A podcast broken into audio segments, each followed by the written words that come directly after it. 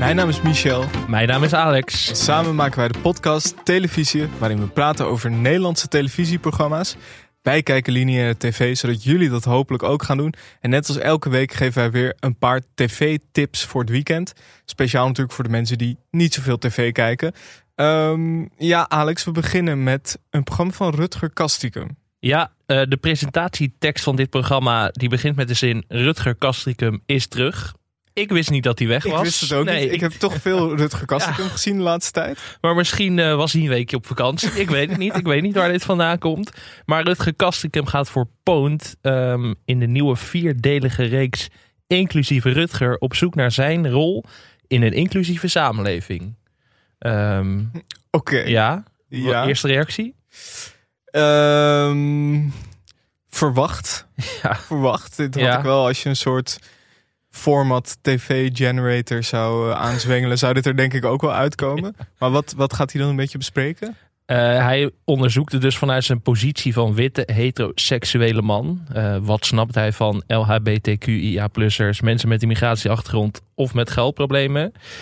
En ja, hij gaat in gesprek met mensen van allerlei ja, Plamage. Is dat ook met, uh, met Johan Derksen? Dat is dus ook met Johan ah, Derksen. Weer, uh, zijn eerste optreden. Die is wel echt terug. Die is, dat hadden ze misschien beter kunnen Dat duurde ook minstens tien dagen voordat hij terug zou komen.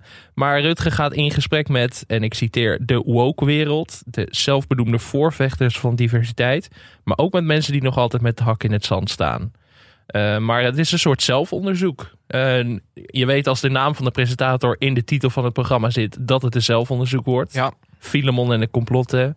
Uh, Sophie in de kreukels. En het is altijd een beetje gebaseerd op Louis Theroux. Ja, ja dat altijd zit er altijd in. Dus dat zal hier ongetwijfeld ook in zitten. Maar ja, we weten het niet. We gaan het zien. Okay. Rutger hij is terug. Oké, wanneer kunnen we dit zien? Vrijdag 13 mei vanaf 22 uur 18. Hij komt elke week voorbij, een tijdstip. zetten. Oké, heel goed. Um, dan gaan we naar de tweede tip van dit weekend. We kunnen natuurlijk niet omheen. Het Songfestival. Uh, ja, eerst natuurlijk de voorrondes. Ja. Maar daar, ja... Ja, we wachten gewoon op het klapstuk. Gaan we, toch, daar gaan we, niet, we gaan er niet eens vanuit dat we het niet gaan halen. Nee joh, nee natuurlijk niet. Ik heb het de hele week ben ik al in het oranje gekleed, zoals je weet. Ja, uh, vlag ja, uitgehangen. Ik heb, er, ik heb er wel echt zin in dit jaar. Dat is lang niet zo geweest, moet ik eerlijk bekennen. Kijk, we hoeven natuurlijk het Songfestival verder niet te introduceren. Dus we gaan meteen de diepte in. S10, eh, negende bij de, bij de bookmakers. De diepte in, leuk. Ja, de diepte in, ja, heel leuk. Uh, ja, nee, ik heb er alle vertrouwen in. Ik S10, denk top 5. S10 top 10? Top 5. Oké, okay, top 5. Oké, okay, wie is jouw uh, favoriet? Of tenminste, ja, we weten eigenlijk al wie gaat winnen. Ja, Oekraïne gaat toch winnen, dus het voelt toch een beetje, uh, ja... Ik denk dat er nog nooit uh, zo'n afgetekende winnaar geweest nee. is als dit jaar. Want je ziet ook bij de bookmakers, uh, je hebt dan de, de winning chance. Ja. En Oekraïne staat op 49% En alle andere landen zijn dus bij elkaar de 51 Dus ja. één land heeft 49% en de 39 andere landen... Uh, dat, ja, echt spannend wordt het niet. Ik voel me wel een beetje Roger Schmid nu. Een beetje het PSV van, uh, van de Songfestivalwereld. Dat je nooit echt een eerlijke kans hebt gehad. En dat er toch een soort var is die jou nu naar de titel leidt. Van de Koninklijke Nederlandse Songfestivalbond. ja. Ander belangrijk nieuwtje. Het commentatorduo Jan Smit-Cornald Maas is weer in ere hersteld. Vorig jaar natuurlijk Sander Landriga. Het was, uh, was, even, was het spannend? Was even spannend, maar uh, Jan Smit natuurlijk een nieuwe functie. Die wordt voorzitter van FC Volendam volgend jaar.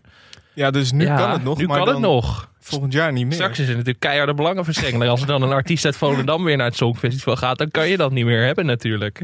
Andere uh, favorieten: Engeland, Italië, Zweden, Spanje. Nou, niet echt favorieten, maar die komen misschien in de top 5. Ik ben heel benieuwd. Ik heb vooral ook heel veel zin. Uh, toen het natuurlijk in Nederland werd gehouden, was het echt non-stop Songfestival. Gek huis. Gerard Joling had vier talkshows op een dag. Emma Wortenboer is in elke talkshow geweest die week. Meer dan Angela de Jong. Dus uh, daar heb ik vooral ontzettend veel zin in vanuit een uh, tv-perspectief.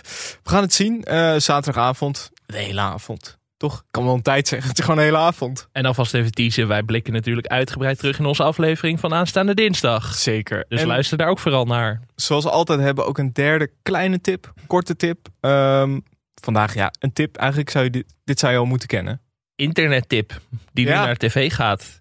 Kijk, wij, wij, wij beklagen ons vaak over series die dan ineens alleen online worden gezet door de NPO.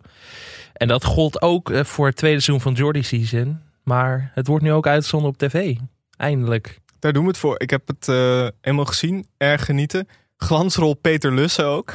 In een van de afleveringen. Oké. Ja. Dat belooft wat. Vrienden voor het leven legend natuurlijk. Ja. Uh, dus vanaf zondag kwart voor elf op uh, NPO 3. Dit waren alweer de tv-tips voor deze week. Wil je meer televisietips, formats, nieuws, alles eromheen? Luister dan elke dinsdag naar onze podcast Televisie. Tot dinsdag. Tot dinsdag. Hupstien.